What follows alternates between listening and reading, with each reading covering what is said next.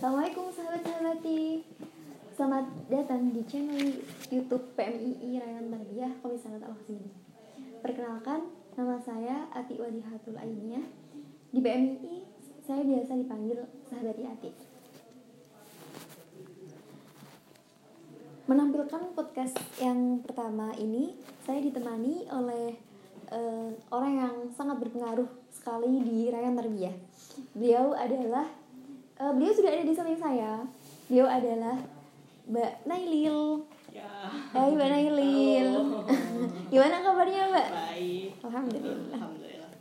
Hmm. Menjadi ketua rayon yang pertama ini ya kan Mbak. Uh, gimana sih latar belakangnya berdirinya rayon terbiah itu? Latar belakangnya kalau uh, kita flashback ke belakang ya sebenarnya uh, rayon itu mau didirikan itu udah dari tahun saya sebelum masuk sebenarnya. Tahun Cuma berapa itu? saya masuk pertama kuliah itu di tahun 2015.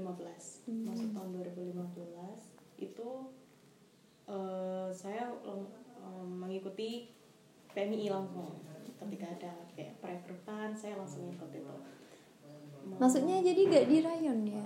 belum karena waktu itu belum ada rayon saya masuk juga langsung ke komisariat Komisariat. Saya masuk di tahun 2015 mengikuti mapapa pasti yang pertama. Setelah itu saya mengikuti mapapa saya aktif di PMII pada waktu itu. Masuk di semester 2 semester 3 berjalan itu. Itu kayak uh, dari senior atasku itu kayak pada bahas masalah rayon-rayon kayak gitu ya kan. Itu kan kita masih awam ya rayon kayak gitu kan kita belum dengar cuma dengar-dengar pas waktu kayak ada apa dari kampus lain ada yang rayon-rayon oh ada rayon kayak gitu ya mungkin sedikit dengar cuma belum tahu lah ya bagaimana. Secara kompleksnya nah, ya. itu belum ngerti kayak gimana terus habis gitu eh, ada lah ya maksudnya dari sahabat uh, di atas saya itu kayak menggagas menggagas berdirinya rayon itu tadi gitu. Karena kan kalau untuk angkatan saya kayak gini masih awam lah ya kayak bagaimana atau apa itu rayon kayak gitu jadi gak tahu kayak gimana mau dirikan rayon kayak gitu akhirnya dari sahabat di atas saya itu kayak uh, mencari tahu lah dari cabang dari kampus-kampus yang lain mencari draft tentang rayon kayak gitu gitu nah udah seperti itu akhirnya hmm, jadilah RTHR yang pertama. Oh, ya iya. kan? Jadi pas pencarian itu dibantu sama kamp- eh, kampus-kampus lainnya? Uh, enggak sih, bukan dibantu, bukan seperti itu. Jadi kayak gini, uh, kita atau saya sahabat lah, katakanlah sahabat A, itu kayak kita uh, sahabat A itu mencari tahu dari kampus lain kayak gitu. Oh, Nah, cari kayak sendiri gitu. berarti Cari ya? sendiri ya tahu sambil Semangat nanya sekali ya. Nah, Karena dia jiwa-jiwa PMI-nya besar gitu. Terus habis gitu eh, mereka ngumpulin kayak draft ntar yang dibuat RTHR itu apa saja yang dibutuhin untuk mendirikan rayon itu eh, butuh apa saja kayak gitu ya kan akhirnya lah itu terjadi RTHR itu tadi di di semester 3 berarti di tahun 2016 sekitar 2016 RTHR pertama itu ang- pasti eh, yang hadir pasti di angkatan saya. Karena kan angkatan saya belum masuk di komisariat otomatis ya kan karena masih baru masih. Terus habis gitu waktu itu saya mm, waktu RTHR itu saya kebetulan lagi ada acara jadi saya tidak mengikuti acara RTHR itu dari awal ya kan? Uh-uh, saya tidak mengikuti acara RTHR itu dari awal ya setengah setengah jalan lah saya baru datang. Saya baru datang saya juga tidak ada kayak dari angkatan saya tuh kayak nggak ada mau calon untuk jadi ketua rayon atau kayak gimana tuh nggak Nggak ada. yang mencalonkan? nggak ada jadi kayak siapa nanti itu kayak gitu. Iya wes lah nanti yang yang yang jadi siapa ya udah kayak gitu lah kan. Nggak ada jadi kayak ya udah kayak gitu. Akhirnya saya datang ya ikut apa namanya eh, sidang-sidang yang lagi berjalan saya ikut. Saya nggak tahu ya pas waktu pemilihan ya kita kita pilih gitu aja. Saya juga ikut pilih gitu kan ya tapi gak taunya pas waktu perhitungan nama saya tuh paling banyak dipilih kayak gitu ya. Alhasil akhirnya saya jadi ketua rayon pada waktu itu kan ya. Ya kayak gimana ya? Ya, ya seneng campur bingung gitu kan. Kayak gimana nanti saya jadi ketua rayon ya nggak? Tahu kayak gimana? Belum Senengnya ada. gimana tuh? ya seneng dan bingung. Jadi kayak seneng itu kan eh, pasti kalau awal-awal saya mengikuti PMI atau anak-anak yang masih mengikuti PMI awal kayak masih menggebu-gebu jiwa PMI-nya gitu lah Masih ya semangat-semangat. membara, ha, ha, kayak gitu pasti. Eh, seneng lah ya maksudnya kayak aku aku ngerasa kayak gini. Eh baru masuk belum masuk ke kepengurusan sekalipun sekali masuk saya jadi ketua kan kayak gitu. Nah terus juga kayak di awal sini dari zaman awal komisariat sampai sekarang kan eh, nggak ada yang namanya ketua itu perempuan pada waktu itu. Iya. nah ah, nggak ada sama sekali Nah, dan di situ kayak saya ini perempuan kayak gitu loh. Baru perempuan pertama yang jadi ketua di di Alo sini kayak gitu. Ya, meskipun nanti tingkatannya di bawah komisariat kayak gitu loh. Jadi kayak wah, kayak gitu. Pasti. Jadi gimana nih? Ada, ada beberapa hal gak sih yang harus aku perempuan nih? Terus di PMI kan biasanya diskusi diskusinya kan malam-malam mbak. Itu ada gak hal-hal yang harus dijaga? Terus kayak ngikutin perspektif orang-orang luar nggak sih? Gitu? Gimana? itu pasti eh, apalagi kita hidup di lingkungan desa. Pasti kan lingkungan desa tuh ya tidak menutup kemungkinan ya orang-orang pasti kayak apa ya di telinga kita tuh kayak geli gitu lah ya pasti. Cewek pulang malam kayak gitu kan. Apalagi kan kita kuliah malam setelah itu ada diskusi pasti pulangnya lebih malam. Pastilah ya seperti itu. Eh, cuma kan aku mikirnya kayak gini aku hidup bukan dari ini omongan orang-orang kayak gitu ya kan. Ya selagi orang tua aku membolehkan gitu dan saya juga di jalan maksudnya ya tidak salah gitu kan ya.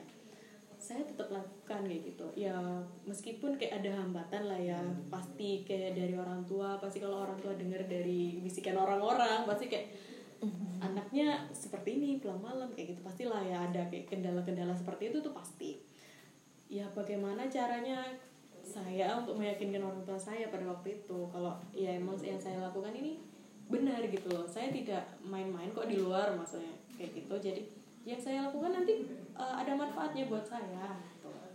Oke, akhirnya ya kayak gitu. Pasti ada hambatan. Membolehkan enggak? Membolehkan enggak? Ya kayak pasti kayak gitu. Itu pasti.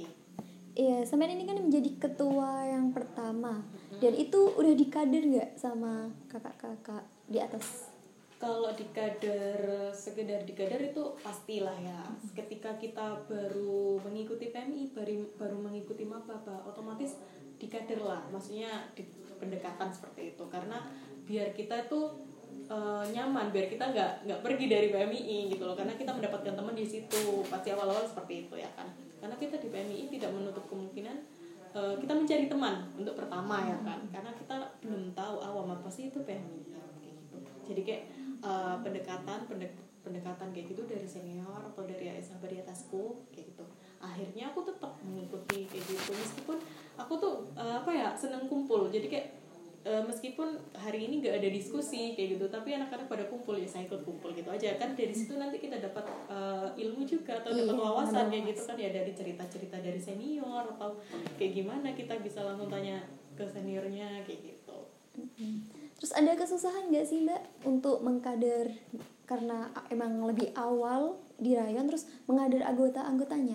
Apakah ada kesulitan? Eh, untuk mengkader anggotanya oh kalau untuk mengkader anggotanya itu pasti susah karena eh, dari zaman saya di Tarbiyah itu kebanyakan anggotanya itu adalah perempuan Iya. iya Sampai sekarang ya? sampai sekarang gitu ya karena itu yang bikin susah karena kan eh, kayak gimana ya? Kalau perempuan itu saya bilang lebih susah. Karena apa? Karena kayak gini biasanya kalau perempuan temennya yang satu ini kumpul sama temen yang ini. Ketika temen yang ini enggak mereka juga nggak ikut. Gitu ya. Ada Cemburu lagi yang ini kayak gitu pasti. Teman lagi satunya ini kayak kelompok kelompok A kelompok B kayak gitu kan pasti ya kan? Nah itu yang bikin susah. Kayak gitu. Jadi kayak eh, jadi kit- waktu itu waktu itu saya di rayon jadi mm, kayak gimana ya mengkaderannya tuh kayak gini Eh, kayak di kelompok A ini saya nanti ambil satu kayak gimana yang jadi jadi inti di kelompok itu gitu loh. Jadi yang mau mengaruhi gitu loh. Itu yang yang saya yang saya dekati gitu. Ya meskipun saya nggak semuanya pendekatan langsung ke mereka. Kayak eh, BPH saya yang saya minta tolongin untuk pendekatan ke ini pendekatan Kayak ke ini. koordinator gitu Nah, ya? pasti kayak gitu saya saya ada nanti saya bagi lah maksudnya yang ini nanti dikader sahabat A yang ini nanti di sama ini kayak gitu karena kalau semuanya saya itu susah gitu loh Iya. kan saya juga mesti bagi waktu ini ini ini jadi saya bagilah ya mereka ke ini satu ke ini satu ke itu Hmm. itu cara penghadapan saya Berapa sih mbak anggotanya dulu? Oh, waktu itu minim sekali anggota saya. Pokoknya pas untuk BPH lah ya. Waktu itu ada ketua, ada sekretaris, bendahara, ada wakil nggak? Ada wakil kayaknya. Ada ketua, ada wakil, sekretaris bendahara, terus waka satu, waka dua, waka tiga. Waktu itu saya tidak ada kopri. Yang Oh. saya adanya itu pemberdayaan perempuan. Itu namanya bukan kopri karena waktu itu kan kayak masih bingung lah ya BPH Rayon ini apa aja kayak gitu kan. Akhirnya ya udahlah ya yang ada anggota itu tadi dimasukkan. Jadi kayak ya wes, pokoknya Itu yang satu angkatan. ya? Itu itu semua satu angkatan dengan saya. Karena kan yang atas saya sudah di komisariat semua meskipun itu masuk di dalam anggota. Jadi ya yang angkatan saya saja gitu. Karena kan waktu itu sebenarnya banyak sih. Waktu saya sama papa itu banyak kayak gitu loh tapi untuk masuk tahun kedua ya waktu saya di rayon itu wah, Hilang. hilang udah tinggal sedikit itulah ya ya itu Udah makanya. biasa ya. Mm-mm. jadi kayak eh, mengaca dari itu saya kayak gimana caranya gitu loh biar mereka ini nggak makin hilang ya gitu biar tetap apa ya udah emang kalau emang segini ya udah kayak gitu tapi gimana caranya untuk kita itu mengajak lagi yang yang nggak aktif itu gimana caranya buat bisa bantu-bantu kita atau bisa aktif lagi di PMI Eh, menjadi ketua rayon pertama. Nah itu kan menurut saya sulit sekali kalau bagi saya ya.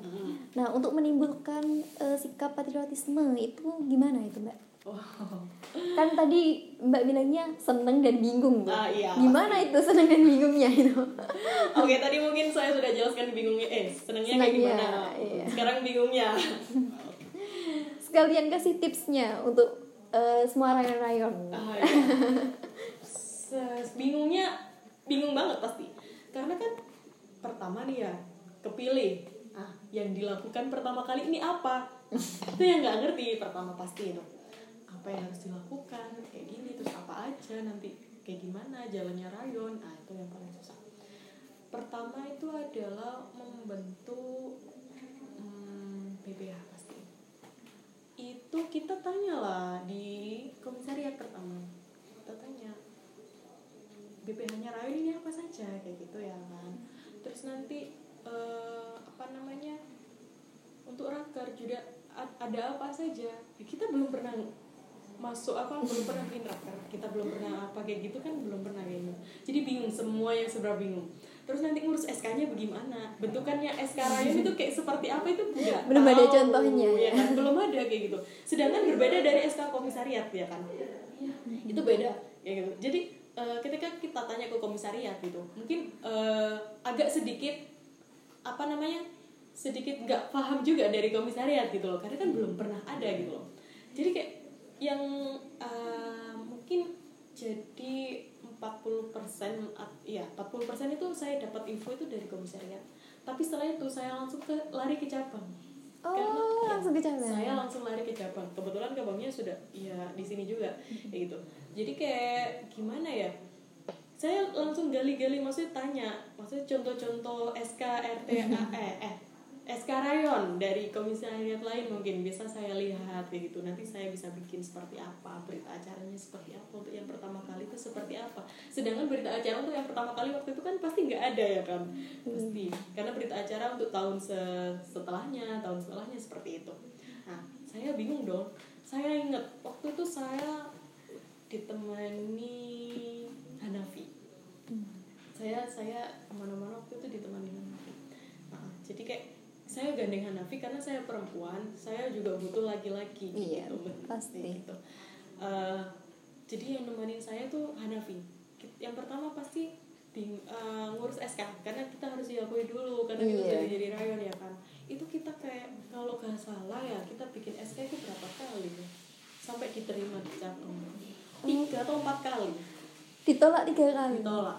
Karena tidak memenuhi maksudnya Semangat salah. sekali. astaga saya ingat waktu itu. Hampir tiap hari saya tuh ke cabang ya kan ke cabang tanya langsung. Sampai pasti itu kayak ada kendala waktu itu dari komisariat. Karena komisariat kayak gini kenapa kok ke cabang? gitu. Loh melewati komisariat gitu loh. Aku langsung loncat loh. Ya gimana? Gimana saya nggak langsung loncat karena informasi di komisariat ini sangat minim. gitu loh ya kan. Sedangkan saya ini sudah harus tahu informasi tentang ini gitu loh. Terus habis gitu ya saya terima maksudnya saya terima itu tadi hmm, kesalahan saya emang salah. Cuma ya mau gimana lagi gitu loh ya kan? Itu jalan terakhir gitu. Akhirnya ya udahlah ya konflik semacam itu pasti ada. Ya aku aku eh ya udah aku lakuin biasa aja lah intinya kayak gitu. Setelah itu dapatlah ya untuk BPH BPH nya itu apa saja akhirnya dimudahkan. Karena bukan dimudahkan dalam hal apa namanya rayon bukan. Maksudnya kayak untuk untuk apa? Hmm, Prosesnya. mengisi. Bukan bukan proses. Untuk mengisi BPH BPH nya apa saja itu tadi loh. Nah itu itu diserahkan lagi kembali. Karena yang paling inti adalah kan waka waka itu tadi. Waka satu waka dua kayak gitu kan. Sekretaris itu pasti nah kayak ben, kayak bendahara itu kan nggak terlalu maksudnya. Jadi waktu itu kalau emang pakai atau enggak itu nggak masalah kayak gitu. Nah pada waktu itu eh, kopri juga kan nggak ada ya kan. Karena pada waktu itu seingat saya yang saya tahu awal itu rayon itu nggak ada kopri. Oh. adanya kayak gitu namanya kayak biro pemberdayaan perempuan biro apa biro apa. Nah masuk ke biro waktu waktu akhirnya namanya pember biro pemberdayaan perempuan bukan kopri. Nah, Jadi gitu. dapat kata biro pemberdayaan perempuan itu dari mana mbak? dapat eh, pas eh, kan pasti tanya nah, biro-biro itu apa saja yang ada? Kayak gitu kan. Ada biro ini biro ini. Kan pasti tanya biro ini nanti untuk ini biro ini untuk ini. Pasti kayak gitu. Nah akhirnya yaitu tadi karena kita mengajar di komisariat itu ada kopi gitu loh sedangkan kita juga banyak perempuan. Akhirnya yaitu tadi biro pemberdayaan kita cari anak itu tadi kalau tanya kendala-kendalanya seperti apa pasti banyak sekali kendala itu tadi. Ha, apalagi ya? Eh, itu tadi masalah SK terus masalah raker juga. Ini bingung ini ya rapat kerja itu. Terus waka satu ini untuk apa? Waka dua ini apa? Itu yang sangat susah pada waktu itu. Waka satu itu mengenai apa mbak? Itu di bidang internal Oh, Gitu, ini ah, kaderisasi. Ah, kan untuk waktu waka dua kan eh, eksternal ya untuk hubungan kita ke rayon yang lain dan sebagainya kalau biro ketiga eh, waka tiga itu kan biro keagamaan Hmm, kaji. gitu kajian Oke, mengenai berbicara dengan sejarah. Sejarah itu eh, adalah suatu yang mm, sebagai ketentuan masa depan katanya. Nah, untuk rayon sekarang nih, gimana? Untuk eh, menjadi acuannya apa nih? Eh, kan sampai udah melalui semua itu. Iya. Jadi apa nih yang harus jadi acuan untuk ketua rayon sekarang atau besoknya nanti? Oh, Eh, berarti seperti ini. Pastilah ya dari tahun ke tahun itu pasti ada sebuah perubahan gitu. Itu pasti. Eh, yang diinginkan itu perubahan positif, perubahan yang meningkat, bukan perubahan yang menurun ya gitu pasti ya kan. Karena kalau kita sejarah atau masa lalu gitu atau dari sebelum masa-masa sebelumnya itu adalah sebagai apa ya kaca. Karena karena kita harus mengaca ke belakang gitu loh agar kita tidak stuck di situ atau kita tidak menurun karena kita harus meningkatkan kualitas kita kayak gitu. Nah untuk caranya bagaimana kayak gitu bagaimana caranya untuk meningkatkan itu itu seper- eh, kayak gini kita mengambil hikmah dari yang belakang untuk yang baik-baik kita bisa lakukan kalau untuk yang emang itu nggak cocok dilakukan di masa sekarang ya udah jangan dipakai kayak gitu karena kan eh, seumpama nih eh, masalah ini kita pakai cara yang kita eh, saya dulu kayak gitu kalau emang bisa ya udah dilakukan kalau emang nggak bisa ya mau gimana ya jangan dipakai kan seperti itu Hmm. Oke, terima kasih Mbak. Udah kita udah di penghujung waktu nih. Eh, terima kasih sahabat-sahabat yang udah mendengarkan podcast kami. Jangan nanti jangan pesan-pesan ya, Mbak. Kalau Iya. diundang lagi mau ya? boleh lah nanti dia Oke. Oke. Jangan lupa like, comment, dan subscribe ya sahabat-sahabati. Eh, sekian dari kami. Wassalamualaikum warahmatullahi wabarakatuh.